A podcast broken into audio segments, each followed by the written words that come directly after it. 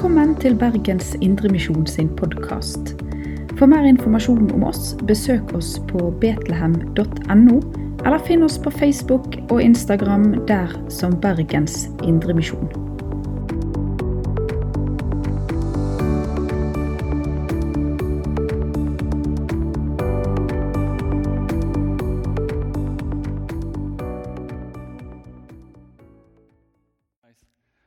Og tjenesten i menigheten, nådegavenes betydning. Og Det er vel en serie med, øh, med litt sånn temaer fra Paulus som går oss gjennom nå. Og ja, I dag handler det om nådegavenes betydning. Og da Når det står om øh, nådegaven i Bibelen, så er det hovedsakelig i Romerbrevet kapittel 12 vers 6-8, Efeserbrevet 4, kapittel 4 og vers 11, og 1. Korinterbrev kapittel 12-14. Og I dag kommer jeg spesielt til å ta utgangspunkt i korinterbrevsteksten. Og Det er kanskje fordi det er der det står eller ikke kanskje, det er der det står mest utfyllende om nådegavene. Så kommer vi også til å nevne, kommer til å være innom de andre tekstene så vidt. Men vi kommer i hovedsak til å forholde oss til Eh, kapittel 12 og 14. Jeg eh, burde sikkert snakket mer om kapittel 13 i denne sammenhengen. Kjærlighetens eh, kapittel. Men det er 12 og 14 vi skal bevege oss litt inn i. Så er det jo sånn at Vi kommer bare til å skrape litt i overflaten her.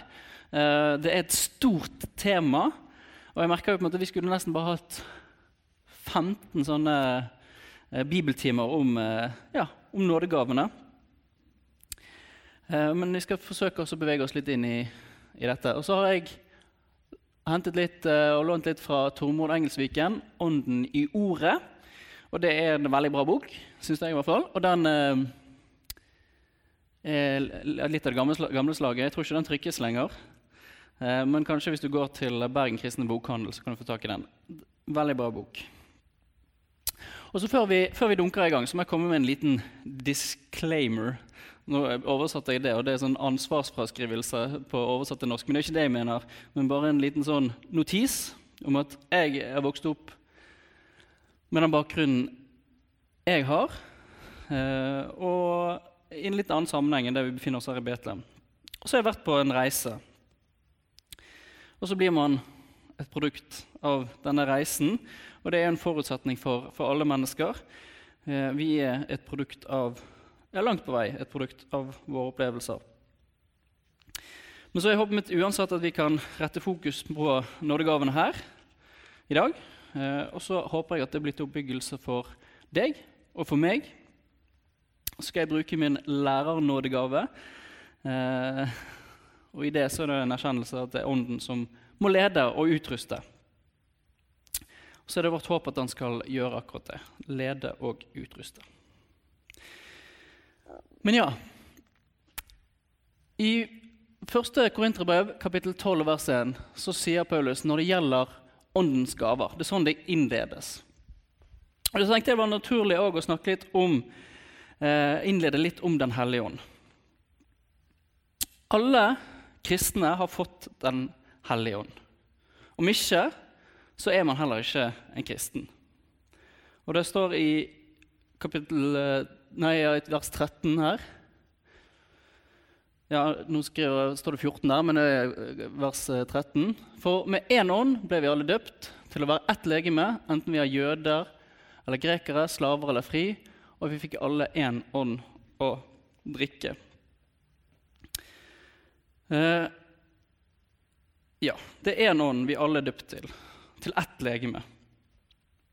Så er det ingen oppfordring i Paulus, hos Paulus til å bli døpt med Den hellige ånd eller motta gaver og bli fylt, på, uh, fylt med Ånden, er jo et, uh, et, tema. Men det å leve et liv i åndsfylde og ikke bli fylt med Ånden, som er litt sånn uh, Kanskje det man trakter etter i mange sammenhenger. å bli fylt. Men å leve i åndsfylden For det som kristne så har vi Den hellige ånd. Vi må det. Det er sånn det fungerer.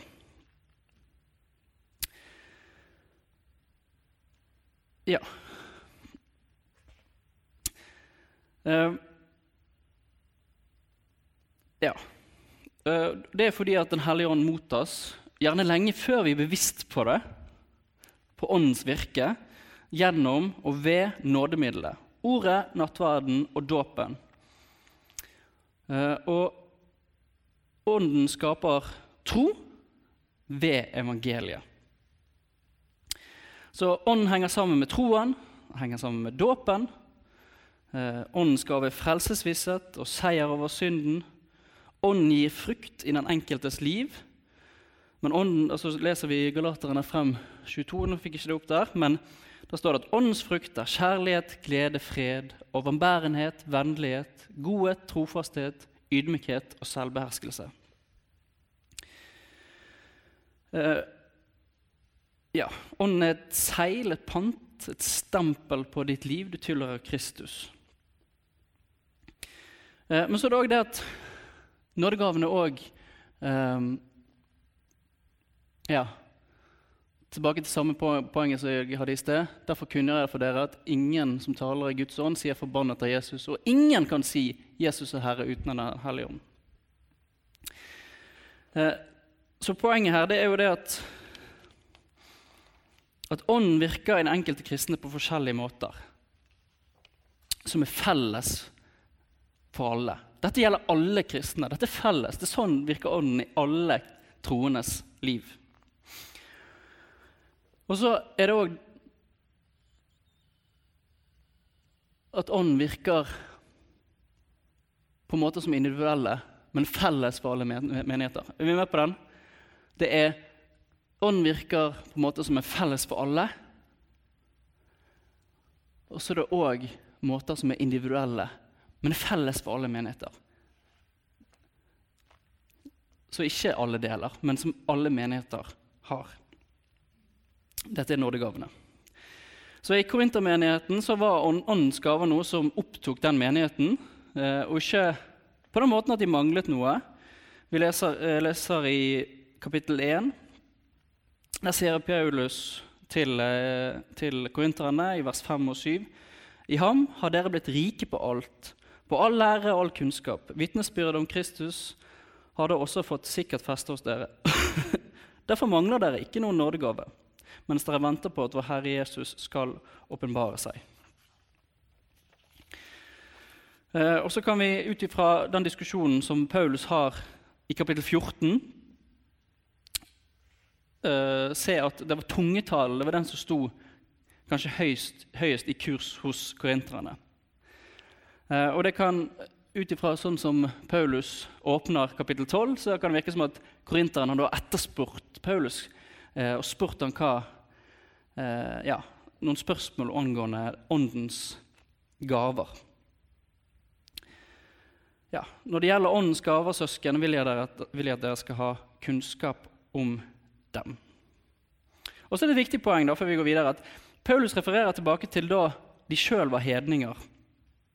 Og de ble viljeløst revet med til de stumme avgudene i, i vers 2 der. Eh, så de er kjent med åndelige opplevelser fra før av.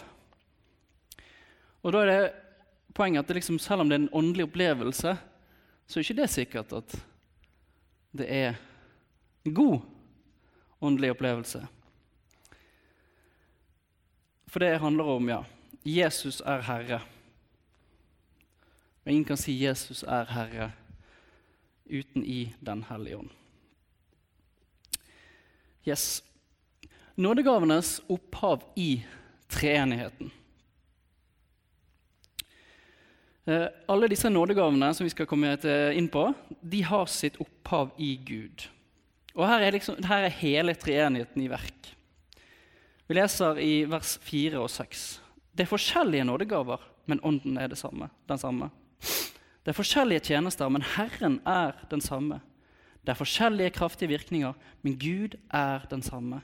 Han som er virksom og gjør alt i alle.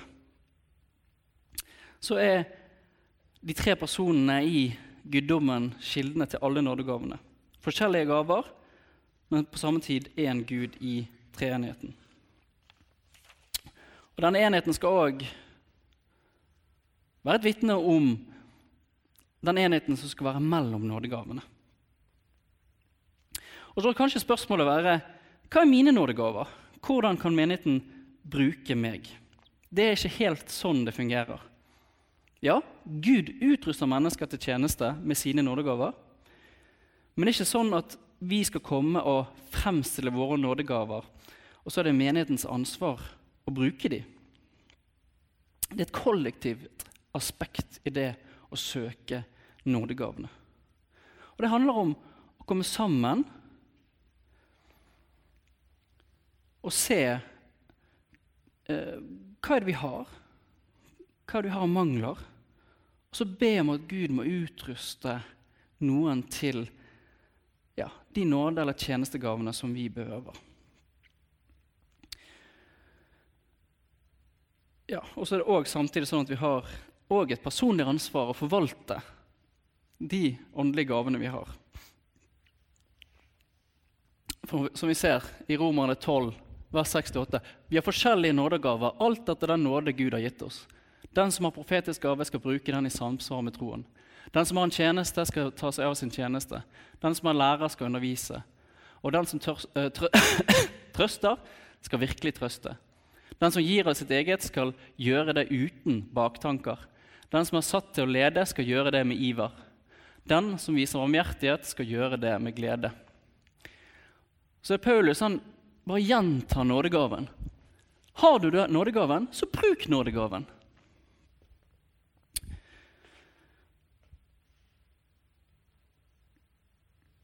Men nådegaven det er ikke noe den kristne eier. Det er Den hellige ånds bor i den enkelte og i menigheten som åpenbarer og som åpenbarer, seg gjennom de.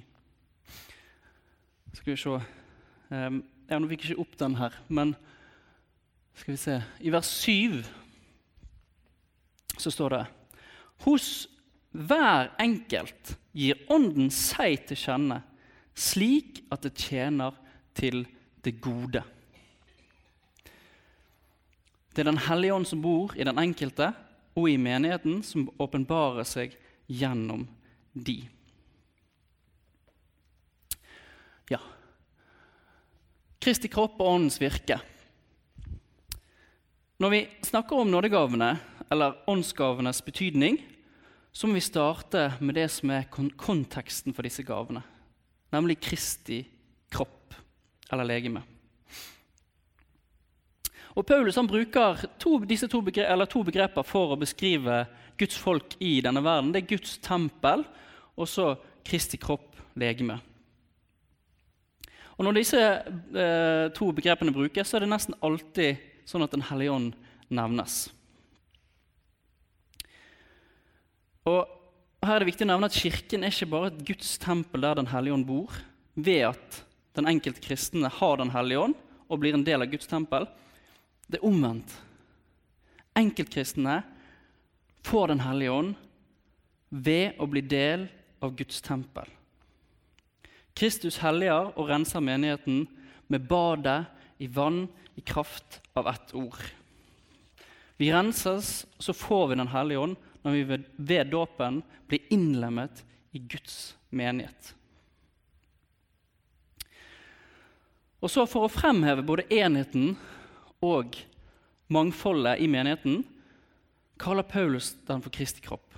Og det er ikke bare et bilde, det er helt reelt. Altså, det er mye vi kan snakke om det, for det er en, det er en ja, det er en stor dybde i akkurat det. Um,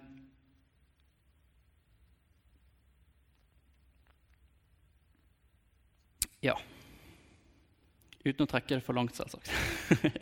uh, ja, I Ånden så er vi døpt til å være ett legeme. Ånden innlemmer oss i Kristi legeme. Og Sammenhengen mellom Kristi ånd og Kristi legeme det kommer også fram i Efeserne 4, 3-5 og Romerne 12, 3-8. Det har jeg heller ikke fått med meg. Men dere kan sjekke det ut. 12, 3-8 og Efeserne 3-5 der det står om nådegavene i, i begge tilfeller. Uh, Ja, og Så står det i Efeserbrevet kapittel 1 vers 23 at menigheten det er Kristi kropp, fylt av Ham som fyller alt i alle. Bare i Kristus og i menigheten, som er hans legeme, kan en kristen få del i Guds fylde. Eh, og så er poenget Fylden er derfor ikke noe enkeltmennesker oppnår for seg sjøl, atskilt fra det kristne samfunn.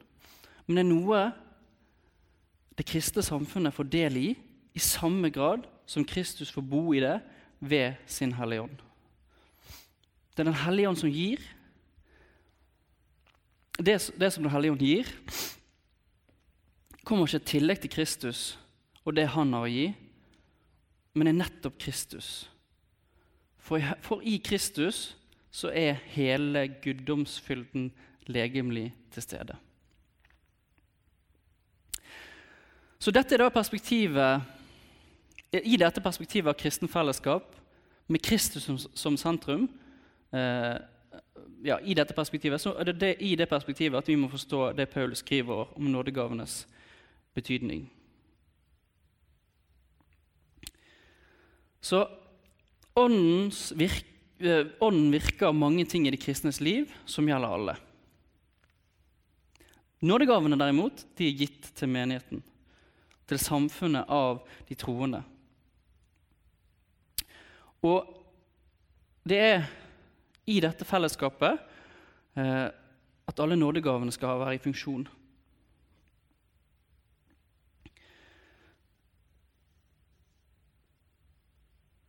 Og Derfor er det også sånn at det er meningsløst og til skade for Kristi kropp om åndens gaver ikke blir sett på noe vi Nei, om åndens gaver er noe som vi skal eh, Beklager. Det er ikke noen Jeg har en kopp bak der. Er det noen som kunne hentet den? Helene? På det hvite bordet der. Takk. Det er da søsteren min, hvis noen lurte. ja. Så poenget var Jeg skal prøve å få det tydelig frem her nå.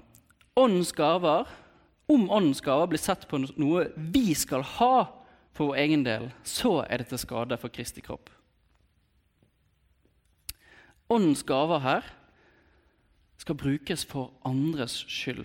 De tilhører menigheten og ikke den enkelte. Det er det som er en av eh, eh, ja, noe av det grunnleggende ved nådegavene.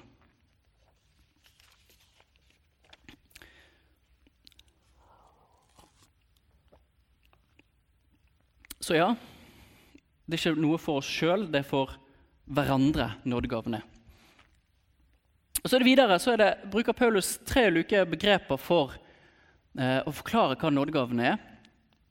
Og det er, Eller åndsgavene, da. Det, det blir det. Altså, nådegave er en av ordene som Paulus bruker til å forklare de åndelige gaver. Eh, og charisma, nådetingen, som det betyr. Og så er det litt rart ord på norsk. Det er liksom Charis det er jo gave. Så det er egentlig gavegave -gave på norsk, som blir litt sånn artig måte, måte, vi har laget det på. Men det er nådegave, en nådeting. Og de er gaver på bakgrunn av Guds ufortjente godhet mot syndere.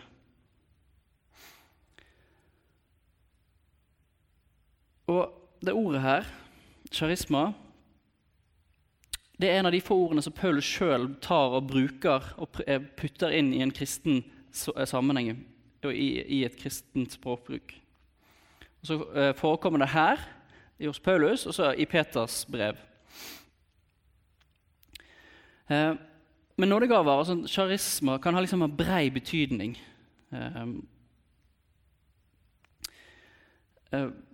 Men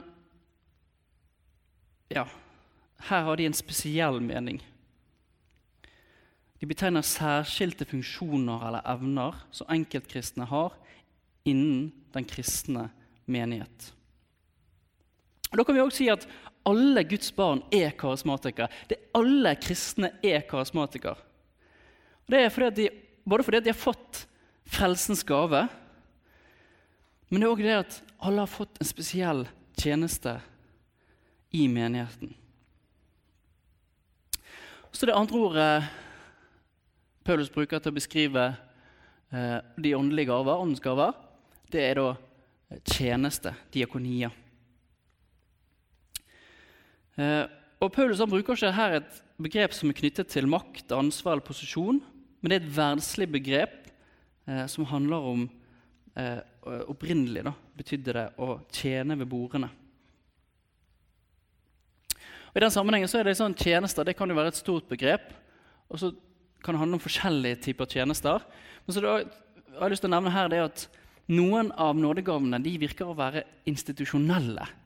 Og så er det noen som er mer spontane. Eh, og Det betyr jo ikke at noen av altså det er noen nådegaver som bare skal være sånn sporadisk til stede.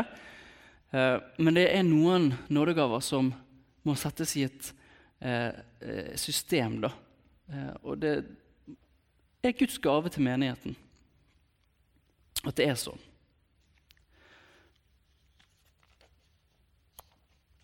Ja, for eksempel så altså Lære, ledelse, profeti, undervisning det virker som å være nådegaver som ja, Kanskje ikke profeti, men lære, ledelse og undervisning det er sånne ting som vi, vi må ha institusjonelt i menigheten.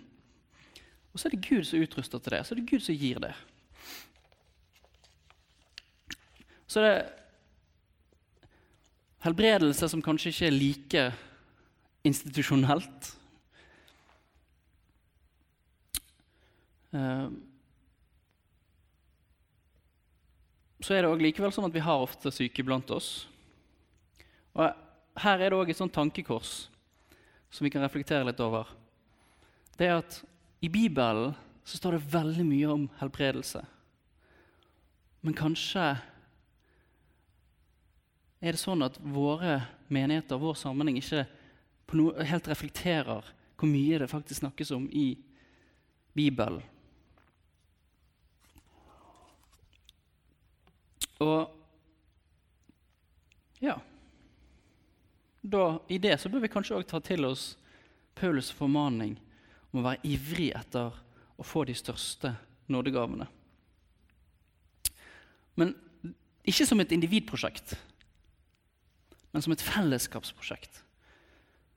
Der vi ser et behov, og så kommer vi sammen og så ber vi om det. Gud, må du utruste.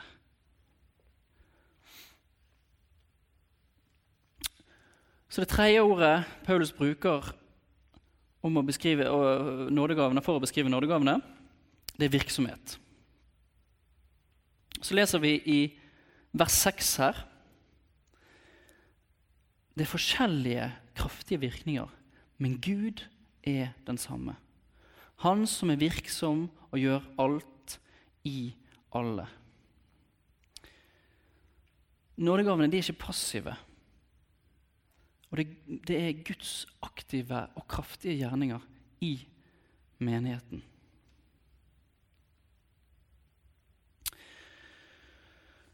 Så nådegavenes virkning i menigheten Når vi har alle disse nådetingene, nådegavene De som i Gud er virksomme tjenester gjennom oss, hva virker de til? Hva er det nådegavene skal utføre blant oss? Eh, altså, vi er, vi er avhengige av at Ånden på ny og på ny eh, kommer og gir sine gaver til oss. Vi leser i vers 11.: Alt dette gjør den ene og samme ånd, som deler ut sine gaver til hver enkelt slik han vil så er det Ånden som deler ut sånn som han vil, men så er vi òg kalt til å søke dem. Eh, det er han som gjør det. Det er ikke noe vi kan rose oss. Det er han som gir oss det som tjener til det gode. Men hva er det gode? Og Da leser vi i Efeserbrevet vers 12-16. Eh, for å utruste de hellige til tjeneste, så Kristi kropp bygges opp. Kristi kropp bygges opp. Inntil vi alle når fram til enheten i troen på Guds sønn og i kjennskapet til ham, og blir det modne mennesket som er fullvoksent og har hele, og har hele Kristi fylde. Så skal vi ikke lenger være umyndige småbarn. Ikke la oss kaste hit og dit og drive omkring ved hvert eneste vindpust av ny lære, så vi blir et bytte for menneskers falske spill og listige, forførende knep.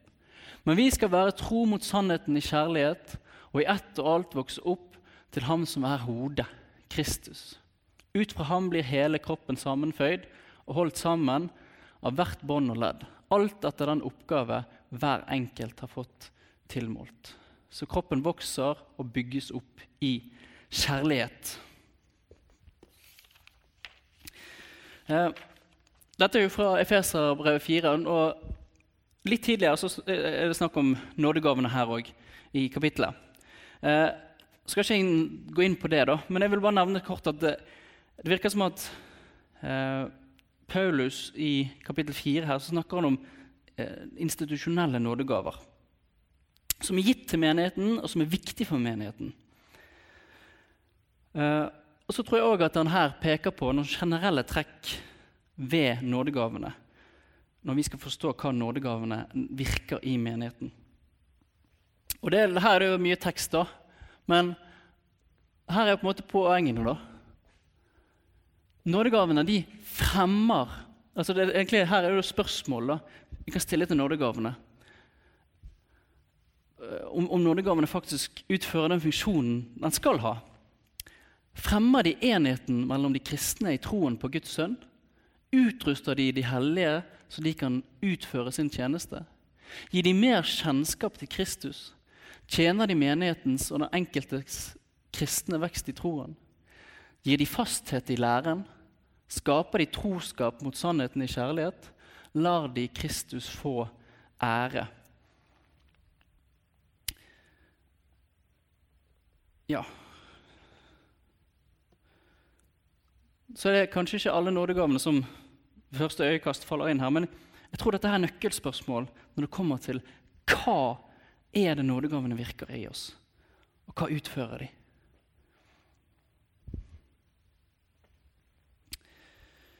Ja Nådegavene gjennom medlemmene som lemmer på Kristi kropp. Så når dette er virkningen av nådegavene, så er det utrolig viktig Hvis vi ser på den listen her Dette er jo kjempebra. Dette, vi vil jo ha dette her. Og når dette her er det nådegavene skal virke, så er det så utrolig viktig at de får lov til å komme til uttrykk i forsamlingen.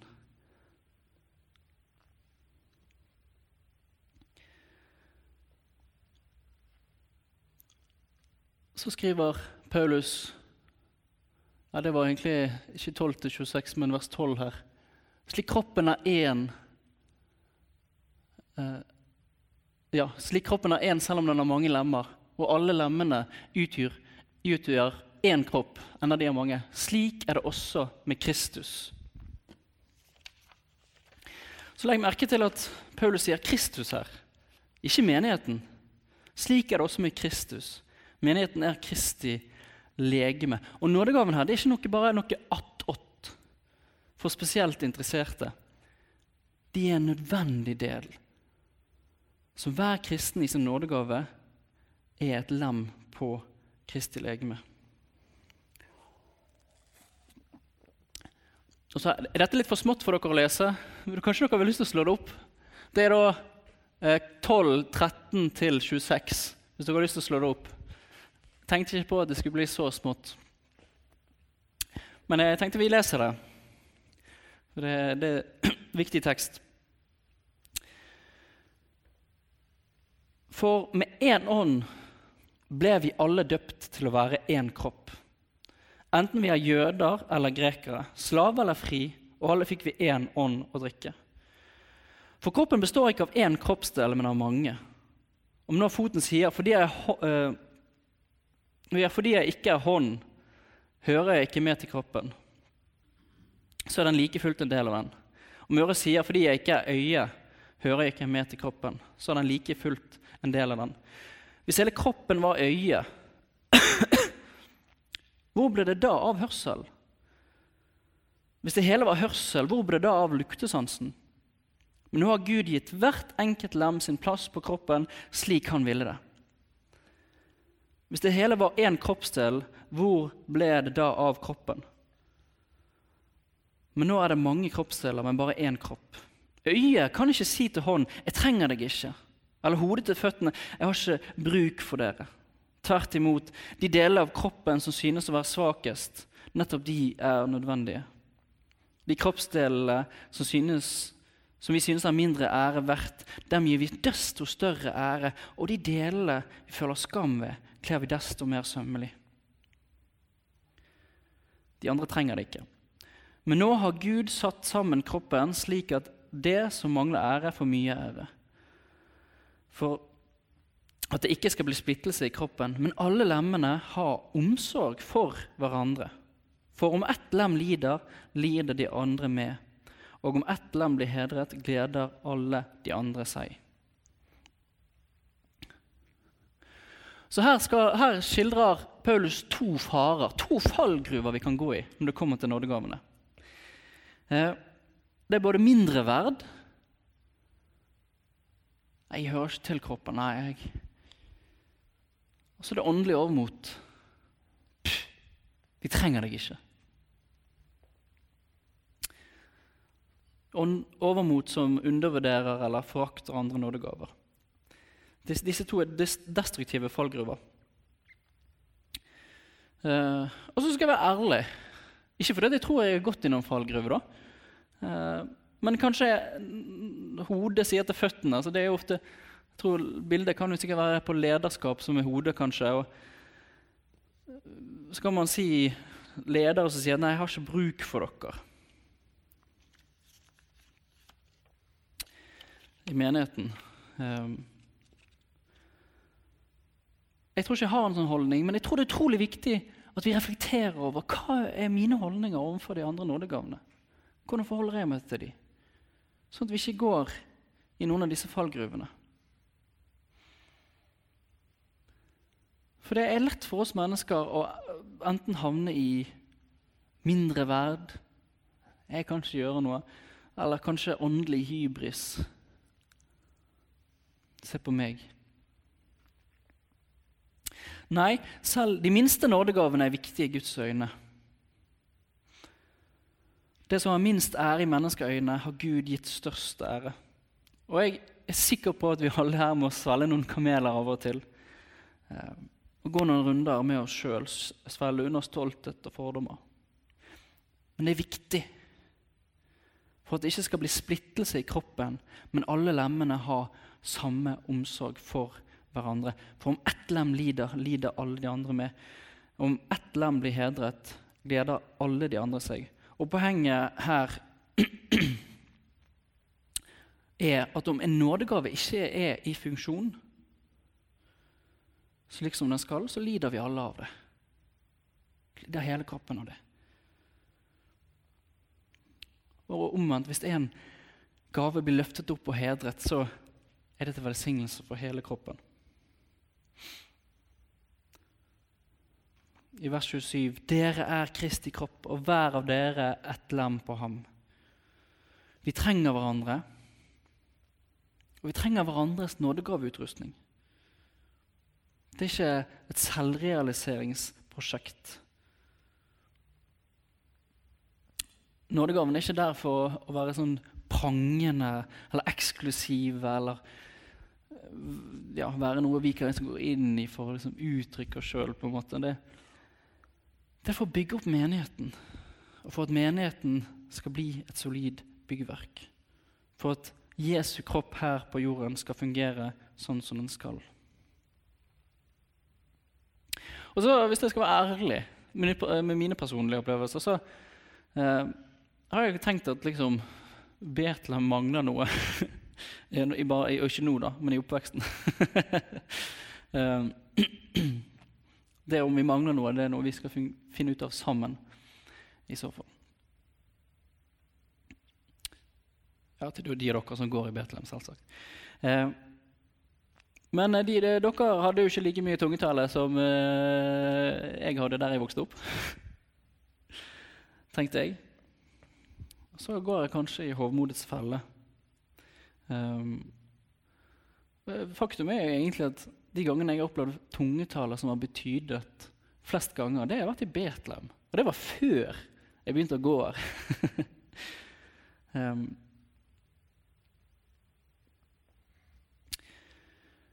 Men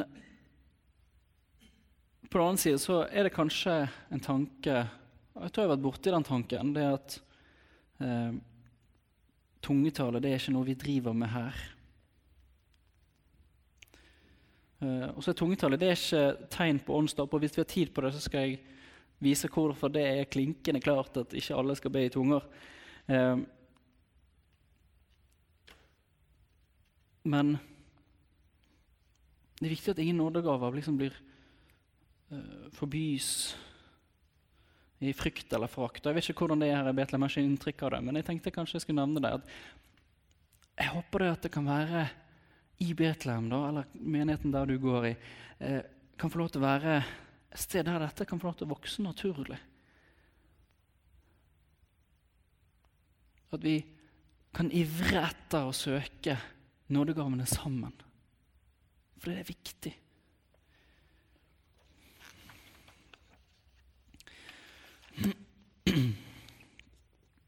Ja. Det er Ånden som deler ut nådegavene. På samme tid så er det ikke noe vi skal forholde oss passivt til. Vi skal søke de største nådegavene. Og fremst av alt så skal vi søke profetien, skriver Paulus. Eh, det er kapittel 14, vers 1 og 39. Jeg har ikke fått det opp her. Eh, men motivene må være rett.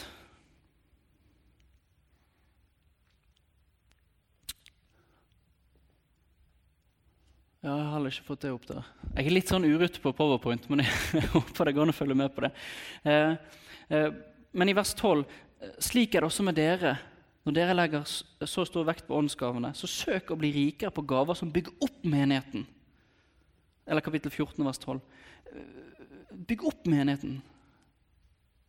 Søk å bli rik på det. Det som bygger opp menigheten.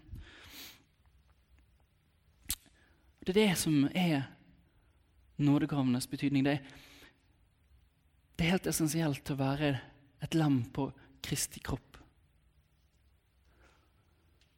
Og det er Ånden som utruster oss til det.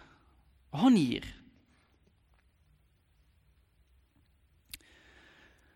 Så det er et sitat her fra, fra um, Tormod Engelsviken her. Der hvor de kristne blir frarådd å søke de åndelige gavene, eller disse gavene ikke får noen plass i menighetens gudstjeneste, er det ikke bare de enkelte kristne som lider, men selve Kristi legeme som tar skade og hemmes i sin vekst. Så det, er litt, det er et ganske utfordrende sitat. Uh, i, i, I alvoret som ligger der. Uh, og så har jeg Det eneste punktet jeg skal nevne, kapittel 13, her har jeg funnet ut i dag. Uh, det ble sånn. Men det er kjærligheten som er nådegavenes grunnlag. Og det er tro, håp og kjærlighet som er grunnleggende for det kristne liv. Og det er kjærligheten som skal bestå. Og nådegavene de blir tomhet uten kjærlighet. Det er ikke, og kjærligheten har gjerne det behovet at den må ha noen å elske. Det er, nådegavene er utadrettet. Eller innadrettet i menigheten, men utadrettet. Det er ikke et selvrealiseringsprosjekt. Det er noe Gud har gitt til menighetens oppbyggelse. Ja. Så hva er nådegavene? Vi har nevnt noen av de da. Eh, det er ni nådegaver her som er nevnt i eh, kapittel 12 til 14. Eh, og så blir den listen mye lengre hvis man også tar med fra Romerbrevet 12, 6-8 og Efeserbrevet 4, 11. Ja, og så er det noen som mener at det kun er ni nådegaver. Men jeg tror ikke Paulus her egentlig har en uttømmende liste at dette her er nådegavene. Eh, ja. Men han nevner kanskje eksempler på de hyppigste og de viktigste. Og så Hva er hva, da? Det er en litt sånn vanskelig spagat. Det syns i hvert fall jeg. Eh, hva er en nådegave? Hva er en naturgave? Hvor går grensen her? Så er det sånn at Vi kan, vi kan ikke tynne ut nådegavene til å være hva som helst, tror jeg. Eh, det er virkelig snakk om gaver til menigheten. Og det er ikke bare personlige egenskaper eller alminnelige samfunnstjenester. Alle disse nådegavene som nevnes, er overnaturlige. De er gitt av Ånden. Eh, og Det betyr jo ikke at ikke naturlig utrustning kan være relevant for mange av dem. Men hvor er grensene? Naturgaver, nådegaver, gaver som er utviklet over tid. Eh, eh, det, det, tror jeg egentlig vi må kjenner jeg personlig, vi må grunne litt mer på. Hvordan funker det i menigheten? Så skal ikke vi vanne ut altså disse nådegavene som står der, og Paulus tar opp, de tar han opp av en grunn. For det er det viktig. De er sentrale. Men vi kan, altså ut ifra åndens gaver så kan vi òg trekke ut et poeng her med at Gud utruster ved Ånden. Det er Han som leder, og det er i og gjennom Hans nåde, Guds nåde, at du får virke. I ham, ved ham og gjennom ham, og til ham.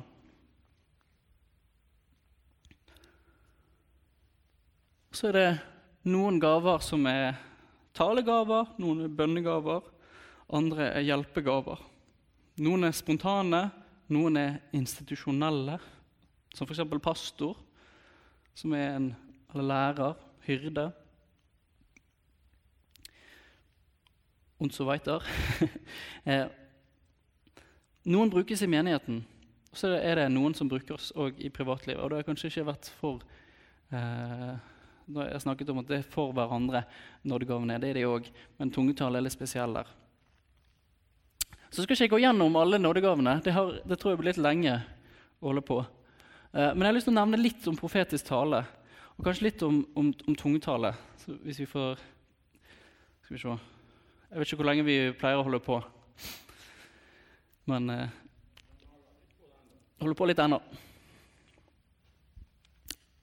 Profetisk tale den er spesiell, for det er den eneste som er nevnt, nevnt i alle disse tekstene. Romerne 12, eh, 1. Korinterbrev 12-14 og i Efeserbrevet kapittel 11. Og Det er tungetall og profeti som er spesielt i fokus i disse tekstene. Eh, tungetall kanskje litt fordi det var det som var, virket å være det som sto høyest i kurs i, i korintermenigheten. Men Paulus han eh, ja, eh, nevner denne eh, profetien spesielt. Eh, og det er den han kanskje spesielt oppfordrer menigheten til å søke. Og så er det masse vi kan snakke om når det kommer til profetiene. Profeti, som, eh, som, som, eller profetisk tale. Eh, ja, det er en egen bibeltime for seg sjøl. Men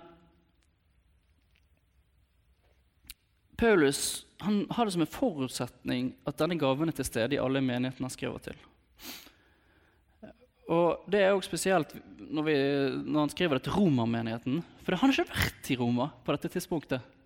I romerbrevets skrivende stund så hadde han ikke vært i Roma, men han forutsetter at profeti er til stede der. Profetisk tale. Eh, og så er det òg et skille mellom å være profet og tale profetisk. Um, det virker som at alle kristne kan tale profetisk når Gud gir dem en åpenbaring. Så hva er profetisk tale? Det er å tale, profet, tale profetisk er å tale et budskap fra Gud til mennesker under inspirasjon av Den hellige ånd. Og den er til oppbyggelse, formaning, trøst i menigheten. Og så er han òg, som vi leser om i kapittel 14, eh, at det er en utadrettet profetisk tjeneste.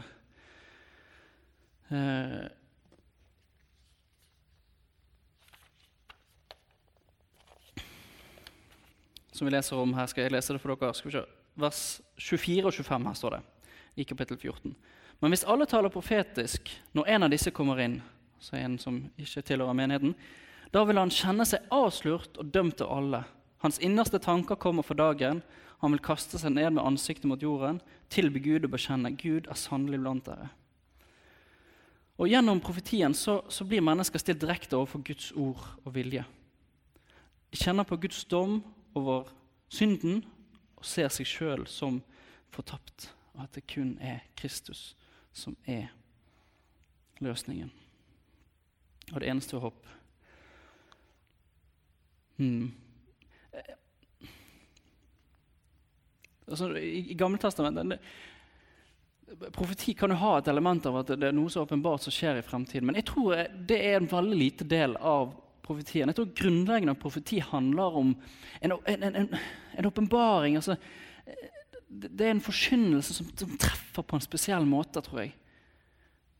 At, at, man har fått et budskap fra Gud, fra Guds ord, der man kaller menigheten eller enkeltpersoner til omvendelse på en spesiell måte. Eh, som bare treffer. Jeg vet ikke om dere har opplevd at dere har liksom vært og hørt på forkynnelse. Så bare treffer det. Oi, der har jeg forsømt noe. Der har vi forsømt noe. Jeg tror det er noe av de grunnleggende delene ved profetisk tale. Og jeg, jeg må innrømme I GT, når de snakker om at 'så sier Herren', og så fremfører de profetisk budskap det, det, det er jo ikke, I, i Nytestamentet så er det når Paulus skriver på en måte som i analysen ser ut som at det, det er en profetisk tekst, da, men så skriver han det i jeg-form. Altså han sier ikke sånn 'Dette er profetisk tale'. Så sier Herren. Han har jo det òg, definitivt. Men jeg vet ikke. Jeg tror ikke nødvendigvis at det er så lett å få øye på profetisk tale. Um, men det er kanskje sånn at noen helt konkret opplever at de har et profetisk budskap. Jeg tror det er noe vi må søke sammen. Det er kanskje noen av dere som vet det. Kanskje dere har lyst til å dele etterpå eh, om det. Men, men jeg tror vi, vi, trenger den profetiske talen. Og det er Guds gave til menigheten, det òg. Og den gjør litt vondt, men vi skal ikke forakte den. Vi skal prøve den. Han skal prøves. I vers 29 i kapittel 14 så står det La to eller tre tale profetisk, og la de andre prøve det de sier. Og Det kan være opp mot læren, Um, eller så kan det være i nådegaven til å prøve ånder. og Jeg har en historie angående det. Jeg vet ikke om jeg har tid til å, å, å fortelle den. Jeg, tror jeg tar meg tid til den. Uh, dette er historier som jeg har hørt. Da. Så om min oldemor, uh, Arne Gustavs mormor, blir det vel. um, hun het Borghild. Uh, og hun ble kalt av presten eh, profet i hennes begravelse. Jeg tror det var det. Stemmer ikke det? Arne nikker, da stemmer det. Nei, min mormor, Jeg liker å høre, sitte og høre på mormor fortelle ulike historier. Hun fortalte at når hun var liten, så var Borghild sammen med noen venner i eh, gamle Salem. Og Så var det en som forkynte der. Eh, og så, Jeg husker ikke alle detaljene, men eh, han sa et eller annet som Nei, dette trenger jeg ikke høre på i Bibelen. Liksom, Eh, sa at det er ikke viktig. Jeg husker ikke hva det var, om det var fryktelig alvorlig. Det, det, det vet jeg ikke. Eh, men så går eh, mor, oldemor Borghild foran min mormor sammen med, med to venninner på hver side. Og så sier de litt at det var noe rart som skjedde eh, under møtet. Og da sa Borghild at ja, når han sa det, da forsvant åndsnærværet fra møtet. Så kan dere ta den historien for det det er verdt. Men jeg tror ja, at vi, vi trenger den nådegaven òg til å prøve åndene. Og jeg tror det er veldig viktig i disse dager at vi, vi har det. Vi må søke det i fellesskap. Be om at han må utruste mennesker til å kunne prøve åndene. For vi bare i Altså eh, vi, Det er vi så fremmed for alt åndelig Vi lever i en sånn sekulær verden som ikke det òg er åndelig. Men å prøve åndene. Hva er det egentlig som foregår? Jeg tror det er kjempeviktig. Det var et apropos et sidespor her, men ja, fortsatt viktig. Så har vi tungetalen. Uh, uh, tungetall er rettet mot Gud uh, og ikke mot mennesker, sånn som profetien. og Det er egentlig en bønneform, virker det som. Til personlig byggelse, sier Paulus. og uforståelig for andre. Å tale profetisk er å tale et budskap fra Gud til mennesker under inspirasjon av Den hellige ånd. Ja, det, det, skulle ikke vært der. Beklager det. men tungetallet må tydes i menighetssammenheng, ellers gir han ikke mening. Han er ikke til oppbyggelse, og det er det som er poenget med nådegavene når vi kommer sammen i, eh, ja, i menigheten. Paulus vil ikke hindre at kristne eh, taler i tunga, men han mener at eh, den ikke skal brukes utydet i menigheten. Ja, og så må tungetall òg prøves. Og Det tror jeg er noe vi må være bevisst på. at vi må, Hva er egentlig Jeg kjenner en som vokste opp i en ja, ganske karismatisk sammenheng. Jeg bruker kanskje et ladet ord. Eh, og opplevde at han ba i tunger. Eh, og så, eh, når han ble litt eldre, så ble han usikker på dette. Og så ba han til Gud hvis dette er for deg, hvis dette ikke er for deg, så må du ta det vekk fra meg.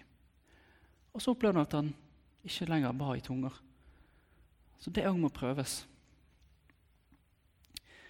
Men Gud har gitt det til menigheten for at det skal brukes. Men det må gå sømmelig for seg og ordentlig for seg. Og så har jeg jeg har litt, uh, jeg har litt gresk snacks. Jeg, jeg, vet ikke om jeg får tid til det. men det, det er for å, jeg, vet ikke om dere lurer på spørsmålet. Jeg har vokst opp med det at tungetale er tegnet på åndsdåpen. Og at alle kristne kan be i tunger. Eh, nei. det stemmer ikke. Hvis vi, har dere lyst til at uh, vi bruker litt tid på å forklare hvorfor dette egentlig er ganske klart? Det, folk nikker. Da gjør vi det. Det er litt gresk snacks. Skal vi se her.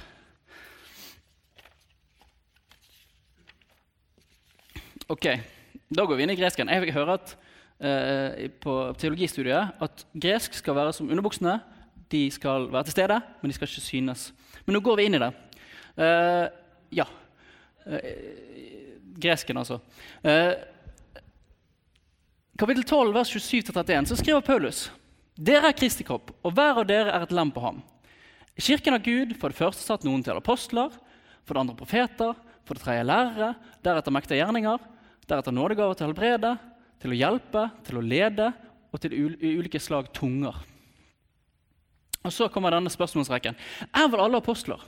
Er alle profeter? Er alle lærere? Gjør vel alle under? Har alle nådegaver til å helbrede? Taler ikke alle i tunger? Taler alle i tunger? Kan alle tyde tungetale? Men vær ivrig etter å få de største nådegavene. Og Så skal vi inn på nektelser på gresk. Nektelser det er å bruke, bruke ordet 'ikke'. Og Nå kommer ikke det frem i oversettelsen her, men det er en nektelse på gresk. Skal vi se om vi klarer å forklare det til dere. Nektelsene på gresk det er u eller æ. Uh, mæ, unnskyld. Uh, u, mæ. Uh, og så har vi et eksempel her. U, eimi, uh, elelev theros, u, uk, eimi, apostolos som kan oversettes er, ikke, er jeg ikke fri, er jeg ikke apostel. Og Da har vi denne husker, en sånn regel vi har her. Når u brukes i greske, uh, i greske spørsmål, sånne relativ uh, Hva heter det? retoriske spørsmål. Når u her brukes i retoriske spørsmål, så er svaret jo. Er ikke jeg fri, er ikke jeg apostelen? Og uk, uk her, da. Uk, det er litt sånn, Når det kommer vokal, så blir det litt endring i hvordan det er. Men u. Eh, svaret her, da er det jo. Det er jeg. Og så antar bruken av nektelsen u at svaret her er jo. jeg er fri. Jo, jeg er apostel. Så har vi et annet eksempel her. Med meg svarer man nei. Til meg svarer man nei. Mati dinatai, uh, tyflos, uh, tyflon og deg gain. Beklager den greske uttalelsen. Uh, Mati er her det samme som meg. Men her er da, kan, det oversettelsen her er Kan vel en blind lede en blind? Og svaret er på det nei. Det er meg som brukes her. Så det er sånn, da krever det nei. Eller styrer det nei. Og Så går vi til den teksten. Vers 29-30. Og sånn ser han ut på gresk. Mæ, mæ, mæ, mæ, mæ, mæ, mæ. Er alle apostler? Nei. Er alle profeter? Nei. Er alle lærere? Nei. Gjør alle undre? Nei. Har alle nådegave til å helbrede? Nei. Taler alle i tunger? Nei. Det er et retorisk spørsmål som Ja Der man som, som styrer svaret nei. U svarer man jo. Til meg svarer man nei. Så det er da gresken, da. Jeg går ikke mer inn på det, men jeg tror dere skjønte poenget. At når det står 'nektelsen meg', så betyr det nei. Og det er det som er uh, her i um, Mæ, pantes, gloisais, Lailusin. Ikke alle eh, eh, tunger de snakker. ja. Det er direkte oversatt. da. Så det er retoriske spørsmål som styrer svaret nei. Ja. Men så er det òg viktig å nevne det at Paulus òg skriver Jeg skulle ønske dere alle talte i tunger, men enda mer at dere talte profetisk. For den som taler profetisk, er større enn den som taler i tunger. Hvis han da ikke tyder det han sier, så menigheten kan bli oppbygd. Og i vers 18. Jeg takker Gud for at jeg taler mer i tunger enn noen av dere. Så det er helt tydelig at tunger det er veldig viktig. Og jeg tror at absolutt at det, det at det ikke er for alle, det bør ikke være sånn diskvalifiserende. Og så tror jeg ikke det skal være et jag i det. Men jeg tenker bare be, La oss be naturlig bønn sammen. La oss søke det sammen. Gud, må du utruste oss. Helligånd, må du utruste oss sånn som du vil. Og så takker vi for tungetall. For det er en fantastisk nådegave når den brukes i menigheten på riktig måte. Det er til oppbyggelse, til formaning, til trøst. Det er fantastisk. Ja. Det var litt gresk snacks for dere. Håper ikke det ble for tungt. Uh, spørs hvor lett det blir å følge med på den der hvis det tas opp dette. her. Uh, ja. Jeg finner tilbake til der jeg var i notatene mine.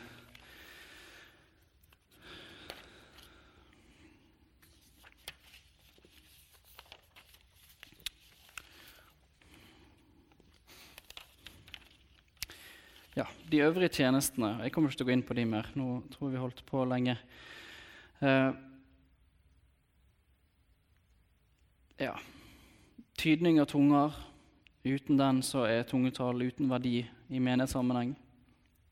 Visdoms- og kunnskapstalen går ånd gir visdom og kunnskap på et dypere nivå.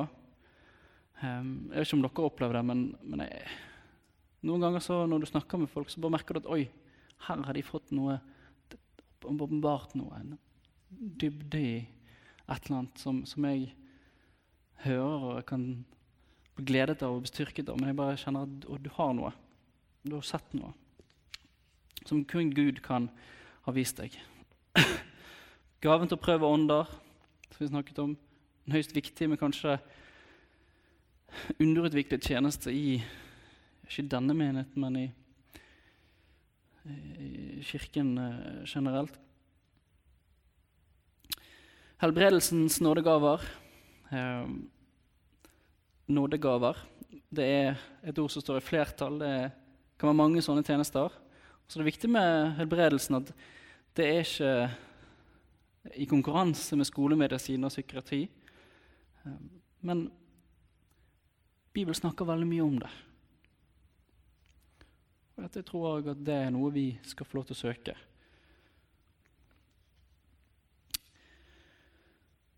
Ja, trosgaven, som jeg tror er en, en spesiell evne til å formidle tro, trøste i en vanskelig situasjon.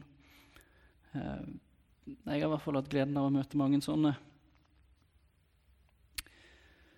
Tjenestene eh, Uten de så hadde menigheten vært et eh, fattig skue som ikke hadde fungert.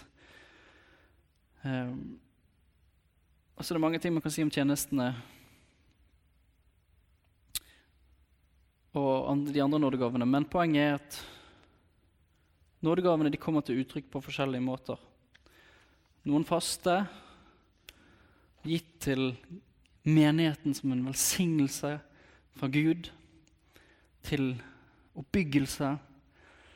Og andre spontane eh, nådegaver gitt til menigheten, til oppbyggelse og, og utadrettet tjeneste.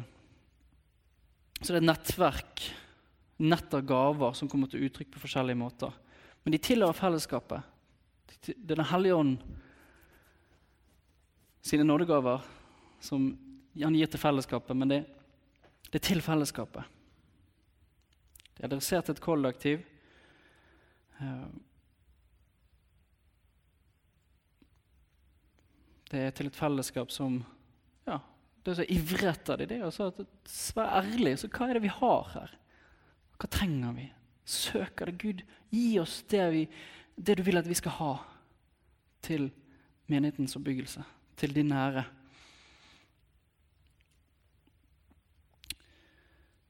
Så er det ikke sånn at noen opplever at de bare fikk tre kilo nådegave i fanget. Når det kommer til disse tingene, så er det også viktig at vi har en viss, et rom for litt prøving og feiling. Som vi var inne på i romerbrevsteksten eh, Har du nådegave, så bruk den.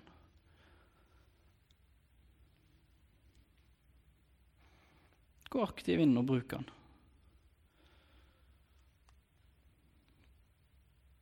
Og Det er òg et sånt personlig ansvar, men det er et personlig ansvar som må komme til uttrykk i fellesskapet. da. Jeg vil bare avslutte med Peter. Vi har vært innom Paulus, vi har beveget oss her, men skrev, Peter skriver òg om dette. I kapittel 4, 1. Peters brev 4, 10-11 så sier han Tjen hverandre, hver og en med den nådegave han har fått. Som gode forvaltere av Guds mangfoldige nåde. Den som taler, skal se til at han taler som Guds ord. Den som tjener, skal tjene med den styrke Gud gir. Slik skal Gud i ett og alt bli æret ved Jesus Kristus. Ham tilhører herligheten og makten i all evighet. Amen. Ja. Hver og en med den nådegave han har fått, som gode forvaltere av Guds mangfoldige nåde. Så hva er nådegavenes betydning? Det er av uvurderlig karakter. Om ett lem lider, så lider de av alle de andre. Vi trenger nådegavene. Vi er kalt til å søke etter nådegavene med iver. Det er noe Gud gir oss ved Den hellige ånd. Og det er Han som utruster. Det er Han som gir. Det er Han som gir seg til å kjenne så kan vi òg ta det til hjertet at vi er kalt til å gi et rom til å anerkjenne hverandre, hverandres nådegave, og til å søke dem. Da tror jeg det er viktig at vi gjør det. Ja. Avslutter med en bønn. jeg. Skjermenske Far, jeg bare takker deg ved, ved Jesus Kristus, den, din kjære sønn, fordi at ja, du sendte talsmann Ånden til oss. Så ber jeg deg, gode Gud, at du ved Ånden utruster oss med de gaver du vil at vi skal ha. Hjelp oss å søke de sånn som du har kalt oss til. Hjelp oss også å se på hverandre på den måten at vi trenger hverandre og gi hverandre ære. Og glede oss over det. Gi oss et, eh, et sinn der vi kan glede oss over hverandres nådegaver. Og se at det er eh, til oppbyggelse for oss. Takk for at det er du som utruster, og takk for at du har utrustet denne menigheten med mange, mange nådegaver. Og så ber vi deg, òg, Gud, at du må hjelpe oss å søke nådegavene sånn som du vil at vi skal gjøre. Jeg ber om det i Jesu navn. Amen. Du har lytta til Bergens Indremisjon sin podkast. For mer informasjon om oss, besøk oss på betlehem.no, eller finn oss på Facebook og Instagram der som Bergens Indremisjon.